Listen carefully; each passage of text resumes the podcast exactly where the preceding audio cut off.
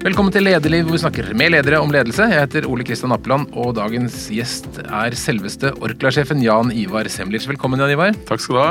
Det er, dette er litt gøy for meg, for nå er vi tilbake i studio. Vi har vært på sånn Teams veldig mange uker, og nå er vi å se mennesket ansikt til ansikt. Det er ganske deilig. Det er veldig fint, det.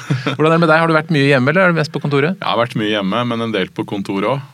Men ingen reising, selvfølgelig. Så det har vært litt rart. Ja, det må være litt rart. Nå har du vært Orkla-sjef i et par år snart. Og så sitter du, du leder altså 20 000 mennesker i 20 land. Det er ikke så mange av dem du har møtt? Nei, og det, jeg har jo faktisk vært leder lenger under pandemien enn før pandemien. Så det er veldig spesielt.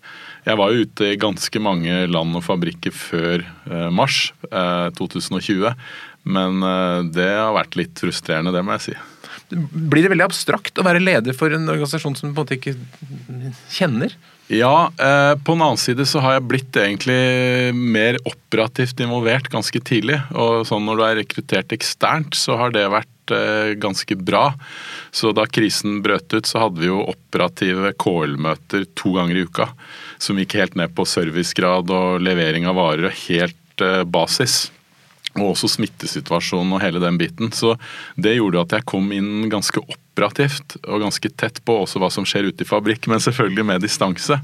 Så det var det positive, hvis man kan kalle det det, eh, i å komme tett på virksomheten. Men så, så er det klart det at du ikke er ute, det at du ikke får følt på pulsen, det, det er frustrerende til tider. Eh, bare sånn rundt i kantina f.eks. òg hvor du fanger opp ganske mye.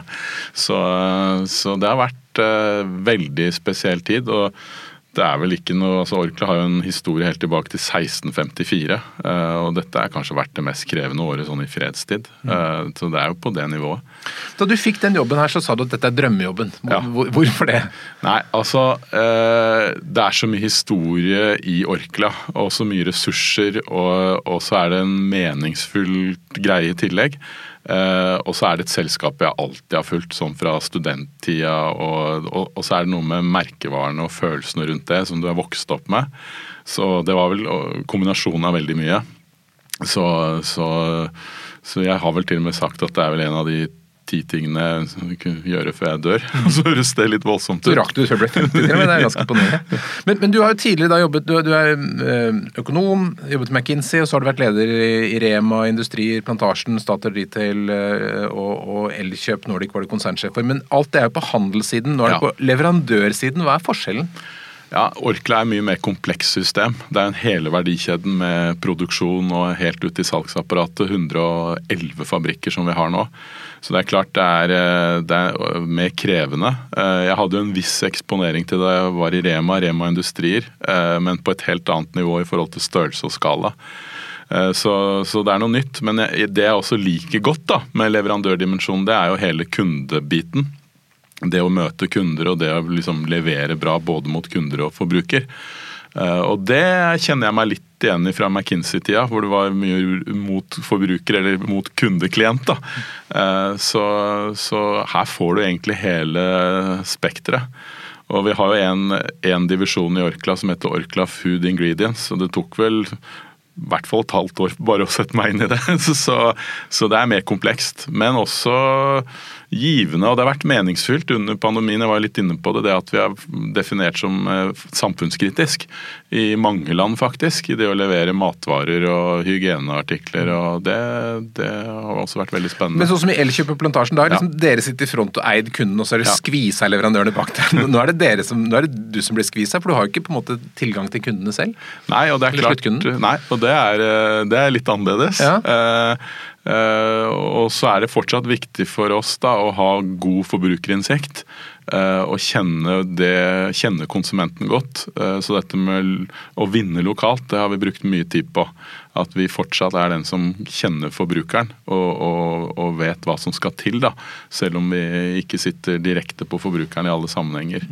Men vi er jo opptatt nå å være i alle kanaler. Både inn mot de tradisjonelle kundene, men også direct to consumer. Eh, så vi fanger opp det. Prøver dere liksom å komme det rundt eh, kjedene med litt varer? Jeg tror på samme måte som kjedene gjør private label, så er jo kjedene både en kunde, men også en konkurrent. På samme måte så, så er, må vi være til stede all over.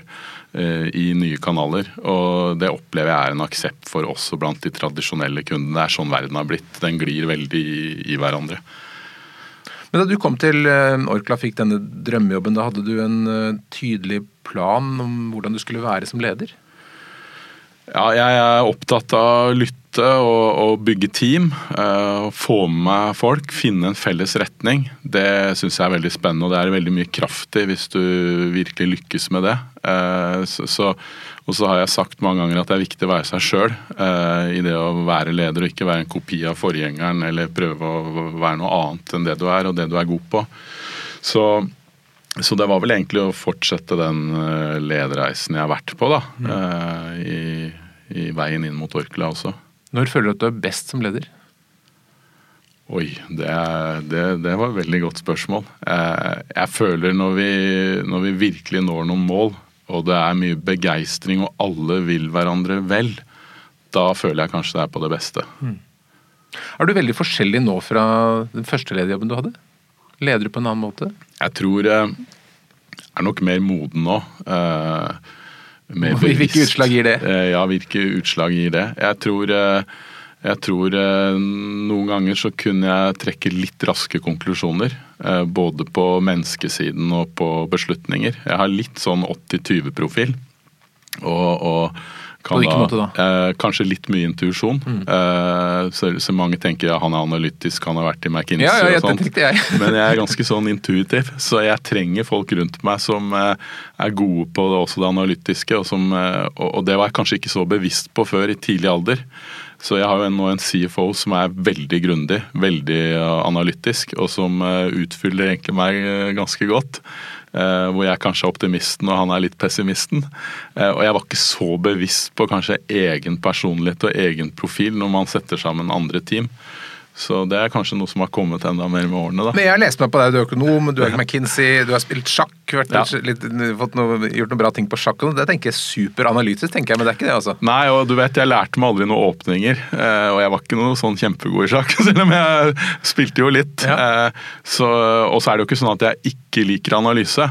Men i personlighetsprofilen så kom jeg ganske øh, hardt ut på det intuitive. Mm. Og litt hardt ut på 80-20. Øh, og, og, det er noe jeg er veldig bevisst, da. Og det går igjen egentlig i alle disse personlighetstestene man har tatt opp gjennom årene. Så du må så. ha en en, en, analyseperson som du holder ja. passer litt på det? Ja, ja. Og, det, og det er jo I Orkla så er det jo veldig mye analyse og grundighet.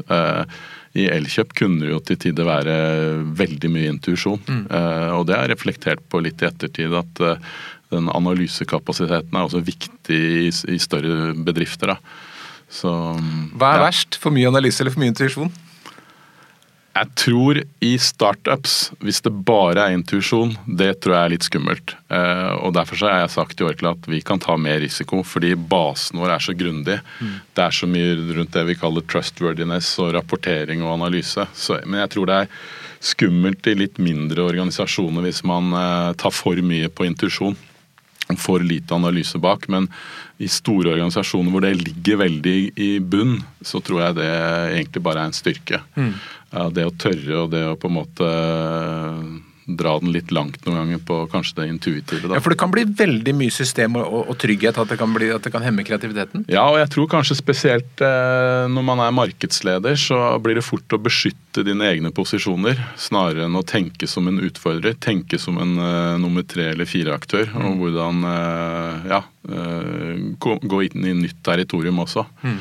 Eh, så, så, det å transformere seg selv samtidig som man tar vare på den basen og den inntjeningen man har, det tror jeg er en stor utfordring for veldig mange selskaper i dag. Hva er ditt oppdrag, altså hva, har det styret sagt at du skal gjøre med Orkla den tiden du er der? Det aller viktigste for Orkla er organisk vekst. Lønnsom organisk vekst. Det er en utrolig viktig del av verdiskapingen. Og så er det å gjøre gode oppkjøp underveis. Eh, også salg når det er nødvendig, eller vi ser at det er riktig. Men Orkla har en veldig god historikk for å gjøre gode kjøp og gjøre gode transformasjoner på oppkjøpssiden, også på salgssiden. altså Sapa er et godt eksempel. Mm, mm. Man solgte seg ut av Carlsberg, eh, medievirksomheten. Eh, men organisk vekst det, den har vært relativt lav de siste fem-seks årene i Orkla. Så det å på en måte få høyere takt på det, det er kanskje det aller viktigste. Og da dreier det seg om uh, veldig mange ting. Det er ikke én quick fix å si at ja, nå, det fikser vi. Så, så det å jobbe med det er viktig. Så i 2018 hadde Orkla en organisk vekst på 0,4 mm. i 2019 på 1,3 og i 2020 på 1,6. Eh, men vi er videre over de to og videre derfra. Og det er jo en del penger når du omsetter for 47 milliarder, så blir jo prosenter ganske mye? Det, det er jo akkurat det. Eh, og i en beinhard konkurranse mm. mot private label, mindre lokale konkurrenter, globale konkurrenter. Så, så 0,1 prosentpoeng er en eh, viktig del av verdiskapningen. Men hvilke type produkter og hvilke geografiske områder er det du tenker at dere skal vokse?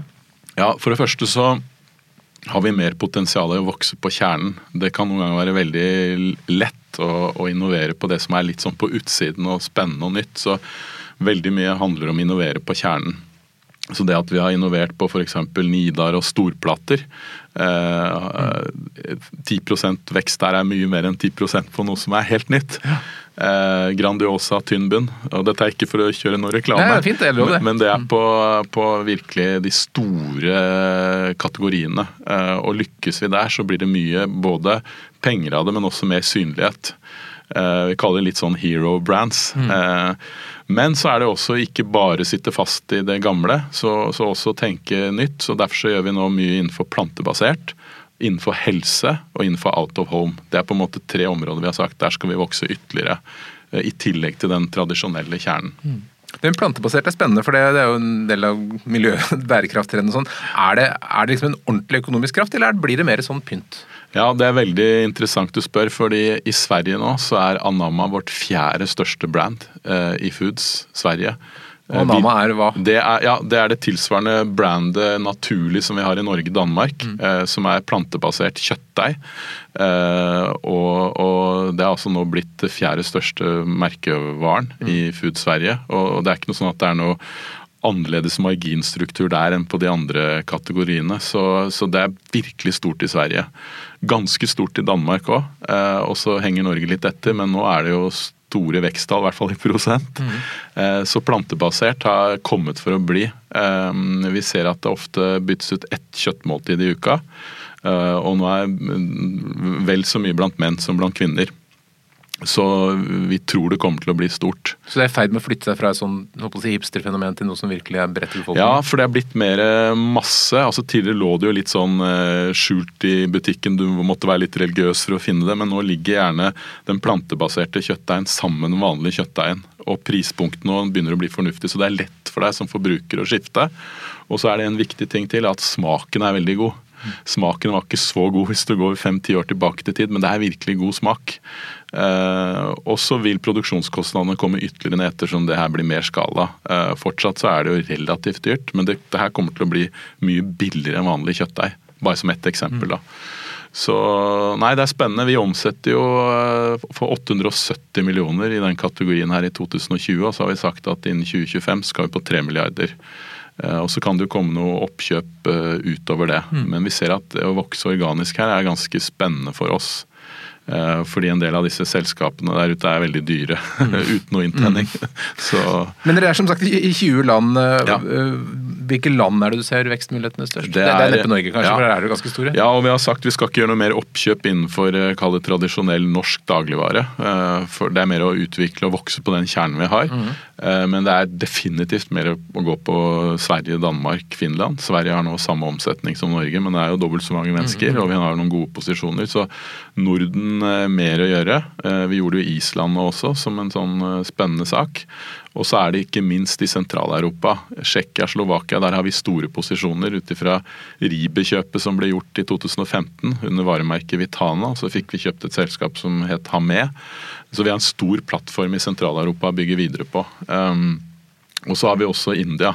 Så er jo, kan man si, er det et kjernemarked. Det er stort, i hvert fall. Men det er stort. Og eh, Orkla kom nok opportunistisk inn i 2007. Eh, men så har vi hatt den samme lokale ledelsen siden 2009. De, de utrolig dyktige. Så nå er det blitt et bra vekstmarked for oss. Og vi gjorde jo et stort oppkjøp nå, hvor vi doblet størrelsen i India. Fortsatt ikke stort, men to milliarder. Og 4000 ansatte. Så det er jo den regionen hvor vi har flest ansatte. Og så er det Eh, innenfor det området vi kaller food ingredients, som er iskrem-ingredienser og bakeri-ingredienser, så er det hele Europa. Mm. Den er litt uh, uavhengig av hvilket land, så det er mer ingredienser-delen. Så, så, det er vel hovedfokuset. Hvilke fortrinn har dere i India? Altså, hvorfor skal dere lykkes i India? Ja, eh, eh, par ting. For det første så er det jo eh, krydder og kjernen av på en måte mat mm. som vi kan ganske godt. Eh, og, så har vi gjort veldig mye innenfor HMS og sikkerhet, food quality eh, høy standard. Eh, og vi har utvikla det som vi kaller fra single spices til blended spices, som gjør at du sparer tid i husholdningen når begge jobber ute. Mm. Så vi har egentlig vært på en, eh, skal vi si eh, automatiseringsreise og en kvalitetsreise de siste ti årene. Så så MTR, som er varemerket vårt i India, er uh, kanskje noe av det aller sterkeste varemerket. Og det har vært der siden 1923 i India, men videreutvikla Orkla da siden 2007. Så, og, og, så er indere også, så i likhet med nordmenn, uh, veldig opptatt av lokale merker. Mm. og Det er veldig lokal lojalitet, så dette MTR-merket det er sterkt i staten eh, Karnataka. og, og og det er jo den regionen vi fokuserer på. Ja, og, så er det jo 100, 150 millioner som bor der, ja. så det er likevel en stor region. da. Klart. Men, men, men det kjennetegner ved Orkla at dere har mange eh, lokalt sterke merkevarer. Men har dere noen merkevarer i det hele tatt som er internasjonalt sterke? Ja, de to internasjonalt sterke er Møllers Tran. Mm. Så der er vi nå i alle apotek i Tsjekkia, alle apotek i Hellas, i over 20 markeder. Mm. Uh, vokser veldig. Uh, eh, 20% vekst på Møllers, så der er det mer å få nok råvarer. Mm. Og så er det Jordan tannbørster. Så vi selger 50 millioner Jordan tannbørster i året. Der har vi fabrikk i Malaysia. Veldig spennende. Og på både den um, Queens Gambit, denne sjakkserien, uh, og på denne The Crown, så er Jordan tannbørster Dronning Elisabeth bruker Jordan tannbørster. Men vi har ikke betalt noe. Det er bare sånn Sånn det er. Det er sånn det er. Og, og, og i Queens Gambit, også på barnehjemmet, så er det Jordan eh, tannbørster. det er veldig bra. Det er jo hyggelig å, å, nå ut med såpass sunne produkter som tannbørster og tran. Da. Det blir jo i hvert fall gode ting å tilføre verden. Ja, og det er litt sånn med den norsk-skandinaviske plattformen. altså Det norske flagget eh, på Møllers tran på apoteket Tsjekkia slår veldig godt an. Uh, og Jordan tannbørster slår godt an også pga. miljøbiten. Vi har jo redusert uh, plastinnholdet. Og emballasjen er jo 100% eh, resirkulerbar, hvor vi skiller oss litt fra de store globale. Så det er litt med den eh, skandinaviske bakgrunnen som gjør kanskje at de to varemerkene slår godt an. Og så har vi noen mindre som ikke er globale, men vi har jo Grandiosa inn i Sverige og Finland. Vi har Smash inn i mm. Sverige. MTR, som jeg snakka om, det, der selger vi mye i New York. Uh, indre som da bor i New York. Uh, så vi har, vi har, noen ulike. Vi har Panda mm. uh, fra Finland som selger masse inn i USA. Men når jeg sier masse, så er det det er jo litt mer nisje. Så jeg mm. vil kanskje si Jordan Møllers. Kanskje et par brands til. Men vi har jo totalt 300 brands. Det er kanskje fem-seks av de som kan gå sånn ordentlig på tvers. Hvilke andre tror du kan komme etter Jordan og Møller? Oh, det, er, eh, det, det, er nok kanskje mer da, ikke ut ifra en norsk base, men type Panda i, Finland. Eh, vi har Kims, som er sterkt ut fra Danmark, som jo også er i Norge. Mm. Eh, MTR i India. Eh, så, så, vi har også noe som heter P20, som er solkrem. Eh, danskbasert, eh, men vi selger veldig mye i UK. Vi selger i Japan på Amazon. Mm. Så, eh, men jeg vil kanskje si at det er de to sånn aller sterkeste. Uh, Utrolig, Det er ca. 300 merkevarer? 300 merker. Hva er ditt personlige favorittmerke?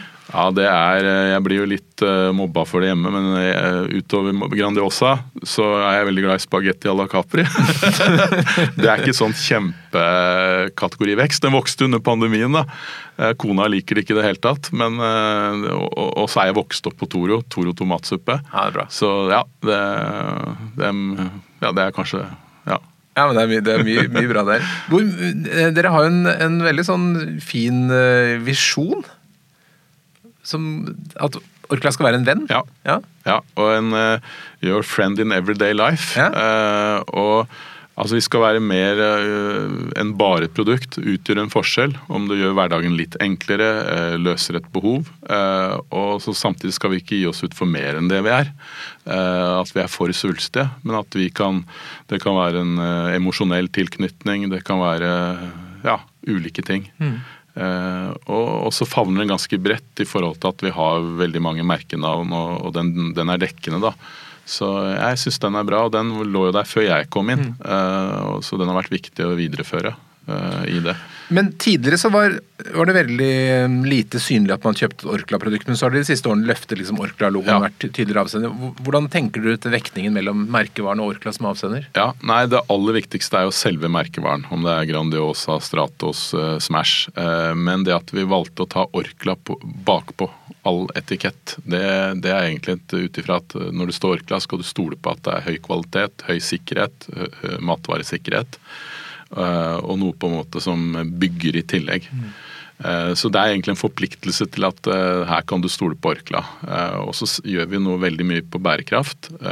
Så også et stempel på at kjøper du et Orkla-produkt, så er det også bærekraft bak. Det er gjort på en ordentlig måte. 95% av all emballasje vi har nå er gjenvinnbar. Og i 2025, jeg tror vi oppnår det før 2025, så er det 100 mm.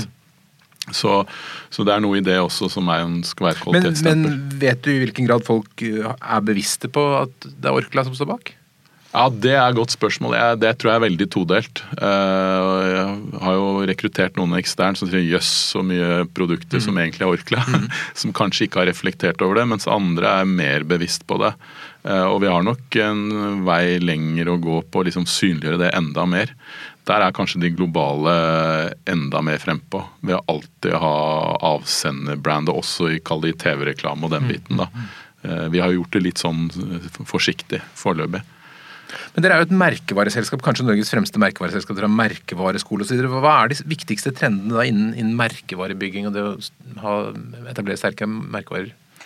Jeg tror jo det er blitt mindre lojalitet eh, hos forbruker. Eh, og det er vanskeligere å nå fram. Eh, så, så, hvordan du treffer ulike forbrukere på ulike måter i ulike kanaler med ulike emosjoner, det, det, det er ikke den klassiske hvor du, du har TV-reklame der, og så har du noe papirannonser der. Mm.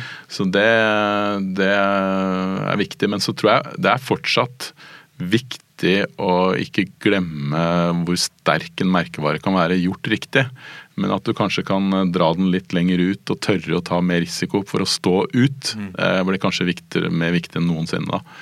Så um, Er det frustrerende det at dere ikke kan liksom bare putte masse penger på TV og, og prege hele folket? kan være frustrerende. Det gjør det jo litt mer spennende og litt mer utfordrende nå, men det er klart det var kanskje litt enklere før på mm. hva som er oppskriften. Mm. Eh, på den annen side gir jo noen nye muligheter òg til å nå direkte ut til forbrukeren. Eh, det er ingen tvil om det. Vi ser jo sånn som naturlig nå på det plantebaserte gjør vi veldig mye på Instagram. Vi har åpna mm. en egen kafé. Eh, det er nesten blitt en liten sånn egen bevegelse som vi ikke hadde klart kanskje for 20 år siden. Mm.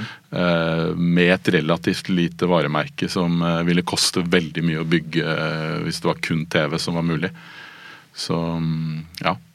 Men eh, nå har jo pandemiåret blitt sånn eh, økt vekst i netthandel, og enda flere kjøper både fra Oda eller man kjøper matkaster eller noe sånt. Hva, hva betyr netthandel for merkevarene? Ja, Der er det veldig viktig i mine øyne å være i nummer én og to-posisjon som merkevare. Mm. Er du en merkevare i nummer fire-fem-posisjon, så er det veldig lett å bli valgt fra på nett. Eh, og kanskje private label eh, blir mye enklere. Og, og, og kanskje også du blir Ja, du, du, er ikke on top of mind. Så for Orkla er det veldig viktig å ha nummer én og to-posisjoner. Og der vi er nummer tre og fire, hvordan blir vi nummer én og to? Og der hvor jeg er i nummer ti-posisjoner, skal vi være der i det hele tatt? Mm. Spørsmålstegn. Så jeg tror det er det aller viktigste. At du virkelig er sterk merkevare skal du lykkes på nett. Og når du først er det, så tror jeg det er veldig spennende muligheter. Jeg så her nylig at Loreal eh, de er bestselger på Amazon med et av sine produkter mm. i hele USA. Mm. men det er et sterkt brand. Så, For Amazon har vel vært litt kjent for noen ganger å løfte opp helt fremmede Eller ja, ja, supplere med andre ting enn ja, de merkevarene. Ja. Ja, nei, og eksempler hvor du bestiller et, en type toalettpapir, og så får du noe helt annet. Eh, men vi er jo nå på Amazon både i Tyskland og i India og i Japan, og nå også i Sverige. Og vi opplever at det er bra trøkk fra vår side. Eh, vi har Møllers i Tyskland f.eks., og så har vi veldig mye hygiene eh, og kosmetikk da, i Sverige på Amazon. Så, så igjen, det går litt tilbake til eh, merkevarestyrken å være synlig. Og også den trafikken som genereres inn. Kommer Amazon til å bli største Orkla-kunden etter hvert? Det er i så fall veldig langt fram, tenker jeg. Eh, og så tror jeg veldig på kombinasjonen av butikk og nett. Litt sånn avhengig av handlesituasjonen. Og så ser vi jo at eh, spesielt på foods eller matvarer, eh, med den geografien vi har i Norden, så tror jeg det er langt fram. Eh, mens i andre kategorier så tror jeg det er kortere. Eh, type kosmetikk, hygieneartikler. Eh, nå nevnte jeg L'Oreal. Jeg syns det er et godt eksempel. 26% av L'Oreals omsetning nå er på nett. Uh, Orklas omsetning er 3 mm. uh, Jeg tror det er lenge til vi er på 26% men at den andelen i Orkla kommer til å øke, det er jeg helt sikker på. Men Har dere vurdert å lage deres egen butikk, hvor dere selger alt sammen? Altså Vi kommer nok aldri med noe orkla.com uh, ut ifra lokale merkevarer og lokale land. Men vi er jo nå med egen nettbutikk på PR Robert, eh, som går veldig bra. I tillegg til at vi selger i dagligvare. Eh, og vi, vi har også egen nettbutikk nå i Danmark på Confectionery and Snacks. Så der det er riktig, så gjør vi også noen egne webbutikker, da. Jeg jobbet med lanseringen av Pierre Robert Ja. i, i, i sin tid. Da det, da vi, det var jo Lamote som kjøpte det merkenavnet som da var ledig. Det hadde Ja. tidligere vært uh, fuktighetskrem og LDB og sånn fra 80-tallet, som vi kanskje husker. Og jeg leste boken til gründeren som hadde funnet på den svenske. Han hadde to sønner som het Per og Robert. Og han laget Pierre Robert for å lage en kul merke. Han skulle ha et kult merkevare på, på, skjønnhetsproduktene sine. Nei, og Pierre Aubert har veldig god vekst. Det er morsomt å se. Eh, Der har dere vært flinke. Det har vært uh, veldig spennende. og klart Den bærekraftsbiten og det som har vært gjort med Jenny Skavlan nå, har vært uh, veldig veldig bra. Er det en merkevare som finnes utenfor Norge? Nei, eh, ja, eh, ja og nei. Delvis i Finland. Eh, vi lykkes ikke i Sverige med Pierre Aubert, så vi valgte litt tilbake til posisjon og merkevarestyrke. Så vi har fokusert egentlig nå Pierre Aubert inn mot Norge og Finland, hvor vi også gjorde et oppkjøp som gjorde at vi fikk nok skala i Finland. Så hovedfokuset er vel Norge nå på Pierre Robert. Du nevnte um, emballasje, miljø og gjenvinning. Dere har jo også en klar serie med Mm. resirkulerte ting. og sånn. Er det, hvor stort er, hvor, opptatt er forbruker av at ting er bærekraftig? Ja, mer og mer, altså. Eh, kanskje litt todelt i befolkningen fortsatt. Eh, men vi ser spesielt yngre befolkningen, yngre målgruppe. Jeg har internt et eh, junior board, som er talenter under 32, fra alle land. 14 medlemmer, kjempetalenter. Og vi jobber nå med en aspirasjon 2030, hvor vi har noen ulike temaer. De skulle velge ett av de ti temaene, og det de valgte var sustainability.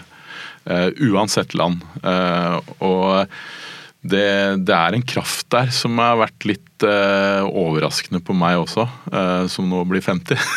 eh, så jeg, eh, yngre del av befolkningen, utrolig opptatt av det, og, og viser det også i kjøpsatferd. Det er viktig å si. Det er ikke bare eh, uttalelse, men i kjøpsatferd. Så det, det, det tror jeg bare kommer til å fortsette. på Jeg tror det sånn- første gjesten har hadde lederliv som har hatt et juniorboard. Det er spennende. Hva var Ja. grunnen til at du dro i gang det?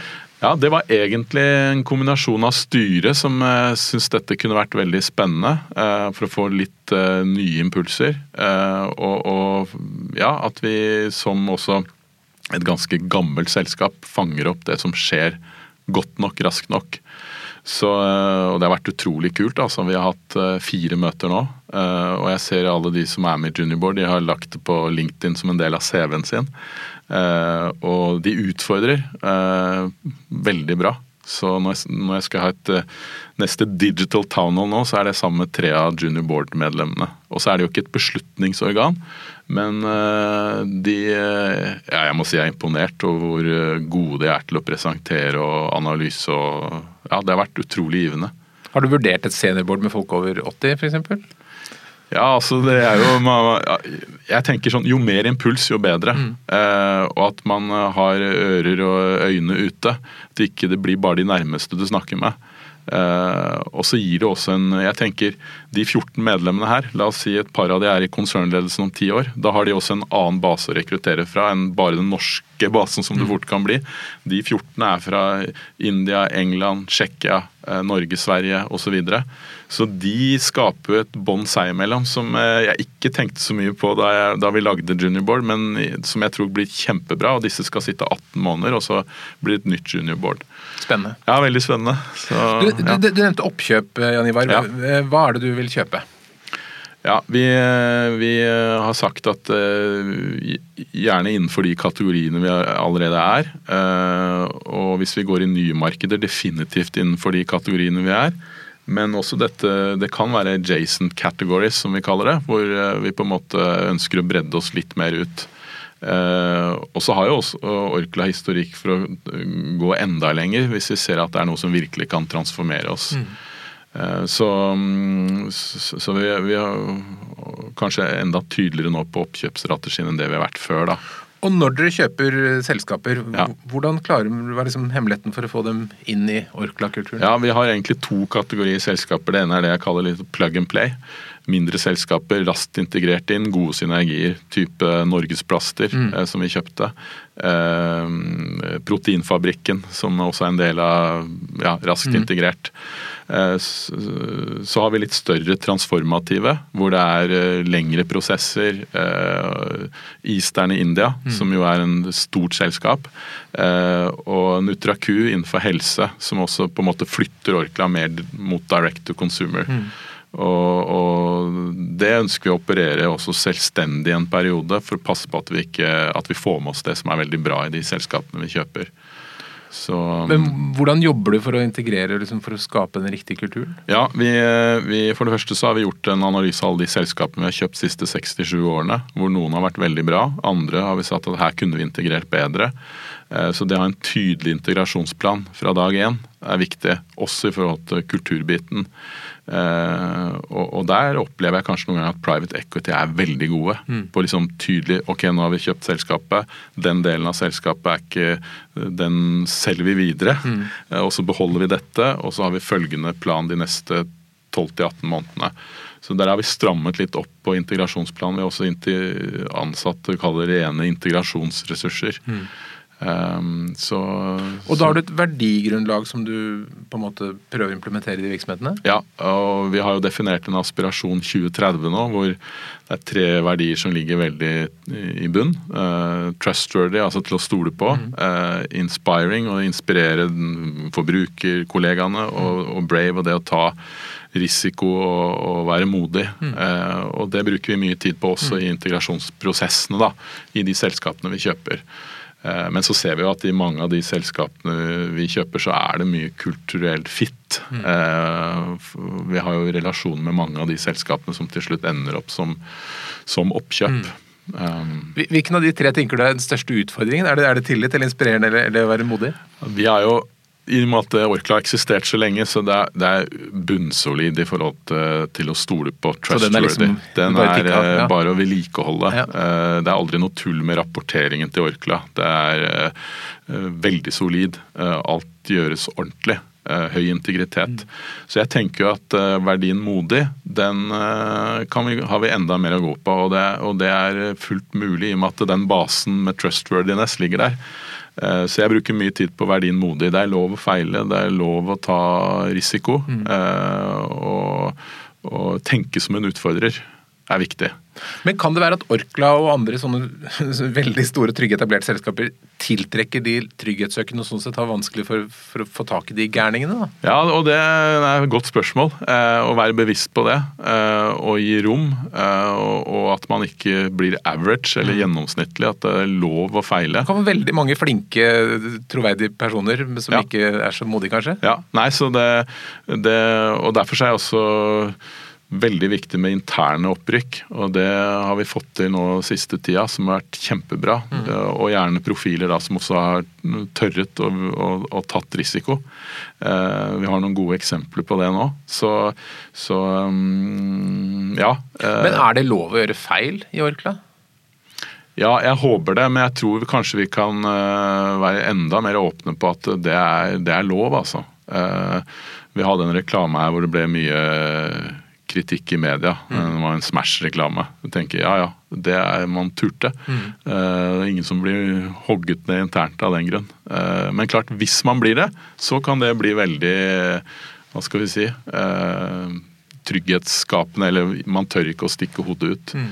Så, så nei, det er viktig. Og jeg, jeg tenker eh, hvis du er en startup og, og du som leder sier nå skal du være brave, du skal gjøre alt mulig, hvis, men hvis du da mangler den basen, så kan det være skummelt. Men i Orkla hvor vi har den grunnleggende basen, så tenker jeg at det, vi, vi har enda mer å gå for. Jeg vet tror jeg, sånn, jeg i hvert fall hadde sånn Orkla Awards. Kanskje vi skal ha sånn Årets Ja. feil? Kanskje skal vi begynne å kåre Ja, det? ikke dum idé. Og vi har jo vi har eh, Orkla Awards hvert år. Eh, og, og mm, Nei, det å feile, det er et godt moment å ta inn.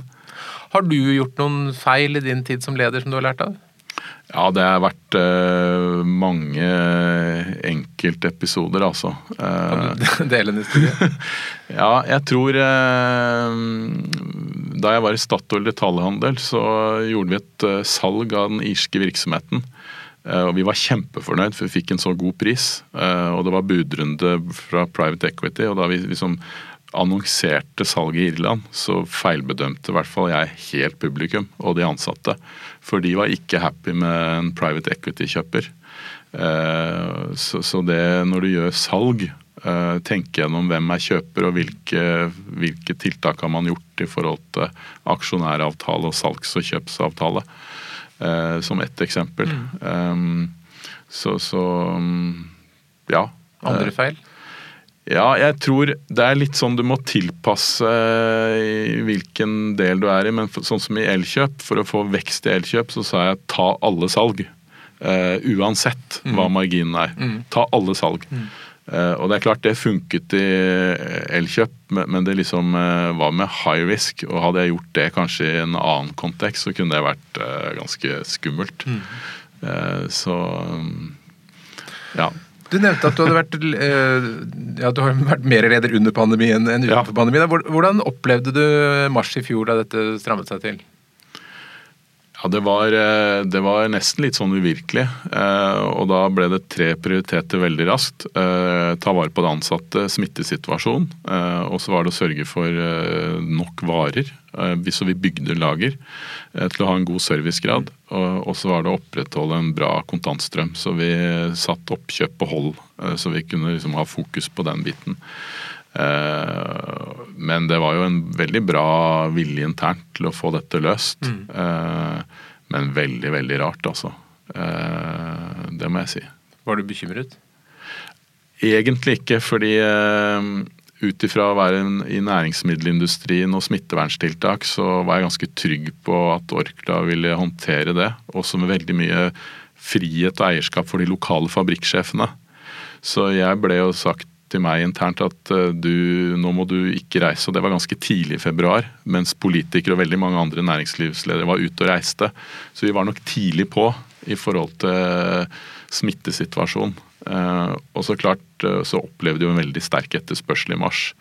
Med hamstring og, og så klart økonomisk så, så var jo ikke Det Det var da du fylte opp med spagetti à la Capri. ja, ja, ja, ja, og det var jo faktisk eh, tomt i hyllene for spagetti à la Capri. Det som var interessant, var at all private label-hermetikk var ikke rørt Nei. i mars i fjor, mens all uh, merkevarehermetikk var solgt ut. Ja, deilig det- for. Ja. Det var deilig, men det viser jo litt om merkevarestyrke, da. Og, og, og det at du stoler på et produkt. Det var litt morsomt å se. Sånn. Skal ha pandemi, men ikke søren om jeg skal ha eldorado. Men men hva, hva, hva har du lært, eller har du lært noe nytt som leder under eh, korona? Ja, jeg tror eh, Det er vanskelig kanskje å trekke fram noen sånne enkeltelementer, men eh, det å være synlig i kommunikasjonen er viktig. Eh, så vi var ganske raskt på dette med å ha digital town halls. eh, og, og ja, eh, og jeg overkommuniserte nok også på Jammer, tilsvarende Facebook at work. Eh, Og jeg fikk utrolig mye tilbakemelding på hvor bra det var. Jeg tenkte ja, ja, det, det må vi bare gjøre mer av, men det ble oppfatta som personlig og bra. Så jeg tror i krisesituasjoner kommuniser heller veldig mye. Og det er kanskje en læring sånn i ettertid. Eh, kommunikasjon er utrolig viktig, hvor man kanskje som leder tar det litt for gitt. Og bare det at jeg kommuniserte at det går bra i Orkla. Men det er ikke noe, er ikke noe nytt utover det. Vi er i rød sone, så vi kan ikke mm. fortelle om tallene. Men det, det, den, den, biten var viktig. Så en læring er eh, være enda mer synlig, sånn, og ikke minst etter pandemien. Så jeg har sagt eh, når, når det er mulig å reise igjen, så skal jeg tre uker round the clock ut og reise, inklusive helger, møte alle markeder. Og Det hadde jeg nok ikke tenkt før pandemien, eh, men det er en læring. Men så, så etter det, hva blir den langsiktige effekten på reisevanen i Orkla? Jeg tror eh, budsjettmessig så blir det 50 mm. av 2019-budsjettet. Mm, mm. Så halver, halvering av reising. Men så tror jeg det blir en boost eh, når det åpner opp, for da vil alle møte hverandre. Jeg tenkte kanskje at i starten av pandemien at reising vil bli permanent lavere, og det tror jeg det blir. Men jeg tror vi får en liten sånn boost uh, eh, idet det åpner opp. Mm. Uh, da er vi alle rundt. Uh, og så er vi nå i en prosess på hvordan skal vi ha det når vi er tilbake i forhold til kontor og, og fleksibilitet. Mm. Det er en forventning om mer fleksibilitet. Du har vært uh, kort i stolen. Hvis du får lov å sitte der lenge, hva, hva, hvilke endringer håper du skal skje med Orkla? Hvordan skal Orkla se ut om noen år i forhold til i dag? Jeg tenker at vi er enda sterkere på organisk vekst. Vi, er, vi har hatt enda mer markedsandeler. Vi er på en måte stort sett bare i nummer én og to posisjoner. Eh, også i land utenfor Norden.